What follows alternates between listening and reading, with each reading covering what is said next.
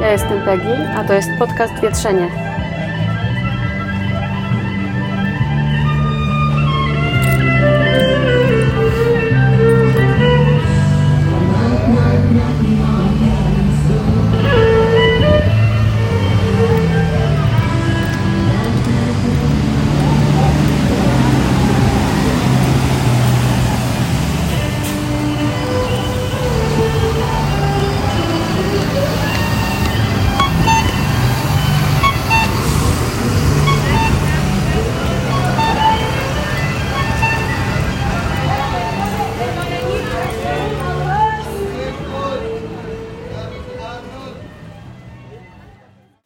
Cześć, długo mnie tu nie było, parę miesięcy. Ten podcast, który za chwilę usłyszycie, nagrałam już kilka dni temu, będąc jeszcze w Kostaryce. Intro nagrywam już w Meksyku. Zadziwiające, jak w dźwiękach można usłyszeć, jak wiele się u mnie zmieniło. Sami zobaczycie.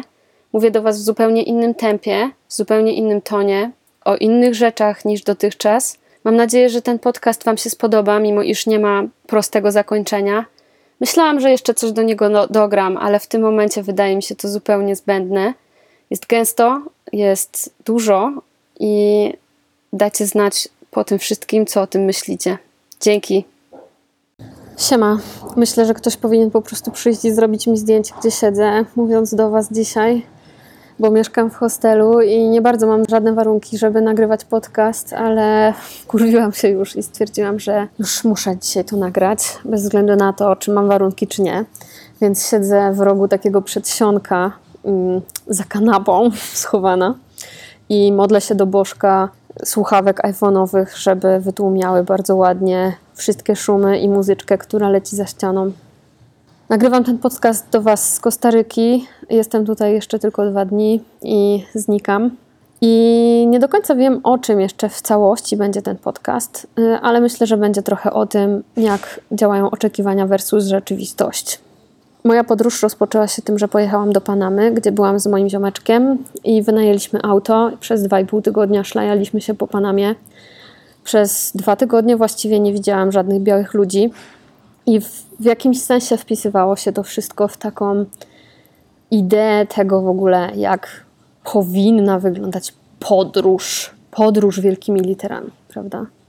Zmierzam do tego, że kiedy wylądowałam w Kostaryce już sama, to przeżyłam dosyć duży szok kulturowy. I ten szok polegał na tym, że poczułam się, jakbym wylądowała w Europie.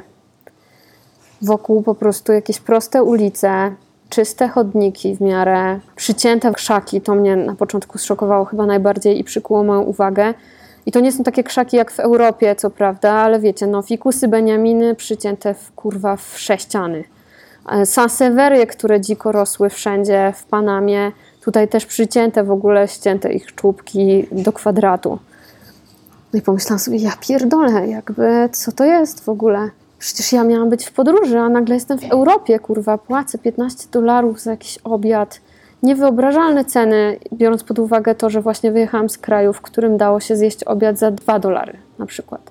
I złapałam się na tym właśnie wtedy, że kurwa, ale co to jest w ogóle za myślenie? To jakby ujawnia bardzo mocno takie kolonialne podejście, w którym w moim normalnym życiu chcę mieć czyste chodniki, śmietniki, y, fajny dostęp do usług, do dóbr i tak dalej. Kiedy jadę w podróż, którą tak nazywam, która nie jest turystyką, tak właśnie też nazywaną pejoratywnie, tylko podróżą, prawda? Jest jej nadany jakiś taki w ogóle rys przygody, czegoś, odkrywania czegoś nieznanego, czegoś, co jest po prostu dzikie. To jest kurwa jakiś totalny bullshit, w sensie takim, że okej, okay, możemy przejść później do tego, albo kiedyś w ogóle podyskutować sobie razem i chętnie od Was też usłyszę, czym jest dla Was podróż i jaka jest jej definicja. Jak odkryłam to i złapałam się na tym, że mam takie myślenie, że, że ja oczekuję, że w swoim życiu będzie tak fajnie, w moim świecie, w moim kraju, ale jak już jadę w podróż, to już mają być kury na środku drogi, tak? No to się mocno wkurwiłam na siebie, że w ogóle mm, tak się nie będziemy bawić, Peggy. To mnie mocno jakby tak uderzyło też w tym sensie, żeby powiedzieć sobie, hej, to, że ty masz jakieś oczekiwania wobec świata, jakieś wyobrażenie o czymś, to nie znaczy, że ten świat jest od tego, żeby realizować to twoje wyobrażenie. I oczywiście, że pozostanie otwartym na to, jak jest, zamiast wyobrażać sobie i projektować to, jak powinno według nas być. Ta otwartość jest trudna i nie zawsze mam na to pojemność też, żeby przyjąć to, jak jest. No ale to była jakaś taka mocna nauczka. Myślę, że w ogóle to jest takie zdanie, które nadaje się do praktyki w codziennym życiu. Do takiego sprawdzania, okay, czy moje oczekiwania przypadkiem jakby nie są zupełnie odklejone, uformowane przez jakieś przekazy kulturowe, przez jakichś ludzi, którzy mówili, że nie wiem, w Panamie to niebezpiecznie, albo w Łodzi to niebezpiecznie. Czy to jest moje realne doświadczenie, czy to się potwierdza z tym, co widzę, tak samo jak myślimy o relacjach z innymi ludźmi. Czy to, co sobie wyobrażamy, znajduje odzwierciedlenie w rzeczywistości, czy pozostajemy otwarci na to, jakie są fakty? No to już są pytania, które możemy sobie zadawać na co dzień. Tak samo chciałabym się odnieść do takiego chyba powszechnego wyobrażenia, z którym spotykałam się, kiedy mówiłam o tym, że pojadę w podróż. Wiedziało o niej niewiele osób.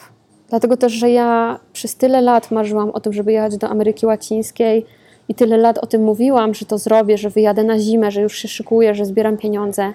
I to się nie działo latami, że w momencie, w którym poczułam i widziałam, że to się naprawdę wydarza, postanowiłam, że nie chcę nikomu o tym mówić. Chcę, żeby to było moje przeżycie. Chcę tego dokonać gdzieś w, kontakcie ze swoimi emocjami.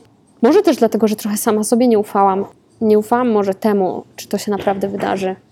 Te nieliczne osoby, które wiedziały o mojej podróży, często reagowały w bardzo podobny sposób. Że wow, ja też bym tak chciała, ale zajebiście, jedziesz na koniec świata, w ogóle tak rzucić wszystko i w miesiąc po prostu pojechać y, na drugi kawałek kulki. A ja bym tak nie mogła, bo ja mam dzieci już, pracę, coś tam, coś tam, domy. I jest jakieś takie, wydaje mi się, w emocjach, z jednej strony oczywiście to jest miłe, że ktoś kibicuje i jakby zajebiście i dziękuję za to na maksa, ale z drugiej strony mam wrażenie, że jest jakieś takie poczucie z zewnątrz, jak obserwuje się podróżników. Nawet jak ja teraz obserwuję Dodo Kniter, moją ulubioną instagramową podróżniczkę, która swoją drogą jest całkiem niedaleko mnie teraz w Gwatemali, to zupełnie zmieniła mi się perspektywa. Wcześniej myślałam o tym i postrzegałam to, co robi, jako kurde przygodę, której ja bym nie była w stanie zrobić. I myślałam, że po prostu podróżnicy to są już osoby, które mają kurwę poukładane wełbie, nie? Mają po, po prostu po kolei już w ogóle zrobione i jakby nagrywam chyba ten podcast, żeby powiedzieć, że zupełnie nie. Bo potem człowiek ląduje w tych wszystkich hostelach, spotyka się setki ludzi i widać na dłoni, że wszyscy są tak samo zagubieni. Wszyscy tak samo nie wiedzą, co tu robią. Jest to jakieś takie limbo w ogóle, rodzaj takiego zawieszenia często między jakimiś fazami w życiu, między tym, że już rzuciłam jakąś pracę lub skończył się jakiś etap w moim życiu i zanim wkroczę w następny, potrzebuję przerwy. Wydaje mi się, że podróż dla niektórych stanowi taki rytuał przejścia między jednym a drugim etapem. Przy czym ten rytuał nie ma jakby ustalonych zasad. Nie ma też właściwie wyraźnego końca w takim sensie, że z mojej obserwacji wynika, że to nie jest tak, że wydarza się jakaś szczególna, konkretna rzecz, po której ta osoba stwierdza: OK, jestem gotowa lub gotowy wrócić już do domu. To nie jest nic konkretnego. Mija jakiś czas i po prostu ta osoba czuje już tą gotowość. Poznałam taką Australijkę w jednym hostelu, która po 8 miesiącach podróży to poczuła. I ona już w hostelu, w którym ze mną była, to już leżała i czytała książki. Miała wyjebane na to, żeby cokolwiek widzieć bo ona już wiedziała, że jest w drodze do domu. I to wcale nie znaczyło, że wiedziała, co w tym domu będzie robić, albo że już ustaliła, jaki jest jej następny plan. W ogóle nie. To jest jakieś takie wewnętrzne przekliknięcie, które się wydarza, które właśnie często nie jest konkretnym momentem. Oczywiście nie mówię tu o podróżnikach, którzy mają ustaloną datę powrotu. Wielu z nich ma. Y, jest to data zależna od tego, że nie wiem, dostali 8 miesięcy bezpłatnego urlopu w pracy albo robili sobie przerwę w roku studiów. Mówię tu o, o osobach, które tak jak ja kupiły sobie one-way ticket i nie wiedzą, kiedy wrócą. Są też inne przypadki. Na przykład spotkałam takiego gościa Sudira, który jest w podróży od 4 lat i nadal ten moment nie nadchodzi. On co prawda troszkę oszukuje, bo raz na pół roku zjeżdża do Indii na jeść hinduskiego żarcia ale jednak od czterech lat mieszka w walizeczce, w bagażu podręcznym i przemieszcza się między hostelem a hostelem, a hostelem a hostelem. No więc takie coś chciałam wam powiedzieć, że żebyście sobie nie myśleli, że o, ja to mam kurwa poukładane we łbie. W ogóle nie mam. Codziennie sobie zadaję pytanie wręcz o to, po co mi ta podróż, co ja tu robię, czego ja chcę się dowiedzieć, czym ona się różni od podróży tych wszystkich ludzi. Dlatego, że w podróży, jak w życiu, o ile mamy życiową checklistę, którą wszyscy w miarę znamy, bo jest nam wdrażana od dziecka i to jest co? Szkoła, studia, małżeństwo, dzieci, dom, tak? Drzewo, chuj wie co tam, kryzys kurwa wieku średniego, nie wiem co tam jest dalej, to podróżnicy też taką mają. I właściwie w każdym kraju, w którym się jest, no to nie trzeba o nim zbyt wiele wiedzieć. Wjeżdżasz, trzy dni spędzasz w hostelu i po pięciu rozmowach z ludźmi już wiesz, jakie punkty trzeba koniecznie w tym kraju zaliczyć i wszyscy poruszają się po tej samej mapie, po tej samej checkliście. Dlatego też podróżników spotyka się ponownie w innym mieście, czasami wręcz przez przypadek, tak jak ja w tym hostelu, w którym teraz jestem. Wczoraj przyjechałam i wchodzę do pokoju, a tam są dwie francuski, z którymi nawet nie wymieniłam numerów telefonów, a byłam z nimi na oprowadzaniu po farmie kakao półtora tygodnia temu. I okazuje się, że mieszkamy w tym samym hostelu, w tym samym pokoju. Takie rzeczy się zdarzają. Dlatego właśnie, że każdy gdzieś w, może w różnym tempie, ale porusza się po mniej więcej tej samej przestrzeni. Myślę, że w ogóle w tym momencie taką główną refleksją, którą mam, jest to, że jesteśmy jak na takim wielkim gigalotnisku, które jest między krajami. Jakby ten każdy hostel to jest też jak takie lotnisko, jak taka poczekalnia, aż w końcu nam się przekliknie coś w tej głowie, że będziemy już czuli się gotowi wrócić do domu. No i w tej poczekalni się robi różne rzeczy, nie? Można iść sobie na wodospad, albo wejść na wulkan, albo iść do dżungli, albo zobaczyć leniwca. No są różne po prostu bardzo aktywności, zjeść lokalne jedzenie, albo, albo właśnie już go nie zjeść, bo tak jak ja dziś y, popłakałam się, przysięgam, że popłakałam się. Nawet teraz mi łzy napływają do oczu z wdzięczności za to, że kupiłam sobie za mnóstwo kasy pyszne inne jedzenie, takosy, bo po miesiącu jedzenia ryżu z fasolą już po prostu nie mogłam. I te takosy były tak pyszne, tak pyszne, że się popłakałam. I, no i są takie właśnie różne aktywności w podróży, ale czy one są różne od tego, co się robi w domu? Wydaje mi się, że pełnią podobne funkcje, czyli trochę funkcje ucieczkowe. No myślę, że ogólnie te aktywności, zarówno życiowe, jak i w podróży, to jest właśnie takie, dobra, no byle coś robić, póki jesteśmy na tej kulce, póki jesteśmy w tym życiu. E, róbmy coś. I niektórzy bardziej odczuwają i mają większy kontakt z tym, że odczuwają przyjemność. Niektórzy, tak jak ja, nie mają do końca tego kontaktu i po prostu sobie robią rzeczy. Czasami się cieszą, a czasami po prostu je robią. Mam tutaj taką notatkę, że na przykład jedna z rzeczy, które zauważam, to to, że popołudniami nie siedzę w internecie i nie wyszukuję sobie na przykład tego, co chciałabym kupić. Jak udoskonalić dom, albo w co by się ubrać, albo co to nowego jest w kinie w ogóle tego nie ma, tylko idę po południu w miasto albo na wodospad właśnie, albo w przyrodę. Spędzam cały czas z ludźmi, czyli cała moja uwaga konsumpcyjna jest przekierowana właśnie na planowanie z mapą, na bycie z innymi ludźmi, na odwiedzanie miejsc. I w jakiś sposób poza jedzeniem, lotami i przejazdami, no to trochę nie uczestniczę w kulturze konsumpcyjnej. Nie zastanawiam się nad tym, czy wszystkie wydarzenia y, jakby mam odhaczone, czy mam w ogóle siłę na moje zajęcia dodatkowe na przykład, no bo po prostu nie mam mnie tam. Z automatu zostałam wypisana z moich rutyn. I to jest myślę, że też wartość podróży, że ona pozwala oderwać się od oczekiwań innych, od oczekiwań wobec samego siebie, od jakiegoś takiego normalnego rytmu życia. Nic nie, nie wiadomo po prostu. I życie samo w sobie jest wymagające i wystarczające do tego, żeby cię zmęczyć. I podróż to udowadnia też to, co się zmieniło, to jest coś takiego, że zauważam w dużej mierze dobrostan, który mam w Polsce, jakąś taką swobodę poruszania się. Tutaj w każdym miejscu, w którym jestem, muszę na nowo uczyć się, jak działa system transportu, e, gdzie jest jakaś aplikacja, która w ogóle listuje przystanki czy rozkłady jazdy, czy w autobusie płaci się gotówką przy wejściu, czy przy wyjściu, czy kupuje się bilet online czy należy zamachać na kierowcę, czy ten taksówkarz to jest legalny, czy naciągacz. Tych wszystkich rzeczy nie rozważam na co dzień w Polsce. Mam tam swoje auto, znam Ubera, znam taksówki, znam PKP.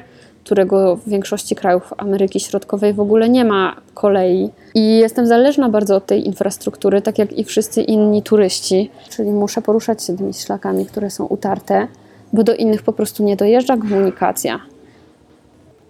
No, stresuję się, że już gadam 19 minut i nawet nie wiem, czy to będzie słuchalne.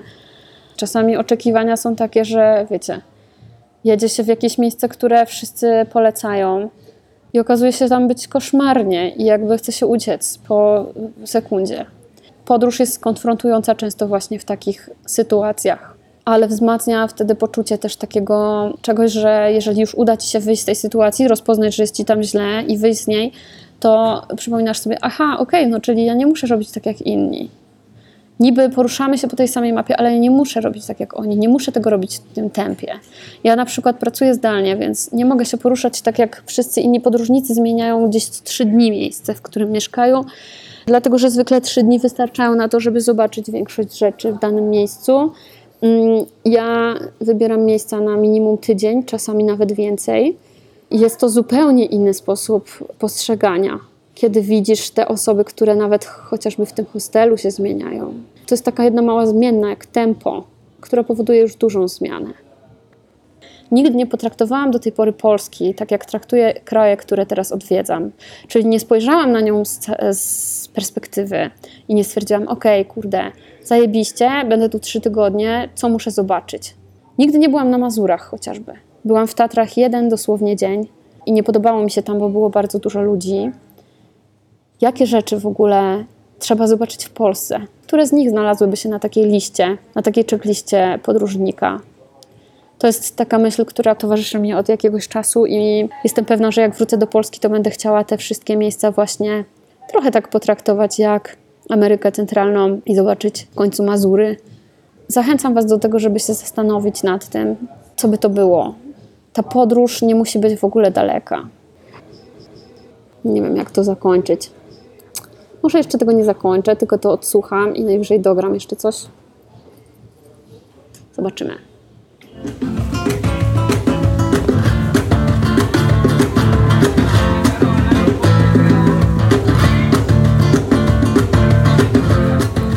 Ja nazywam się Peggy.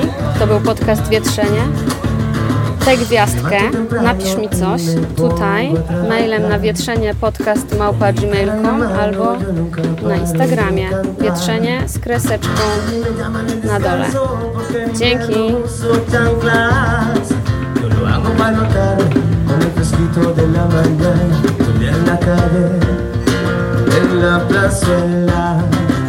tomando el aire.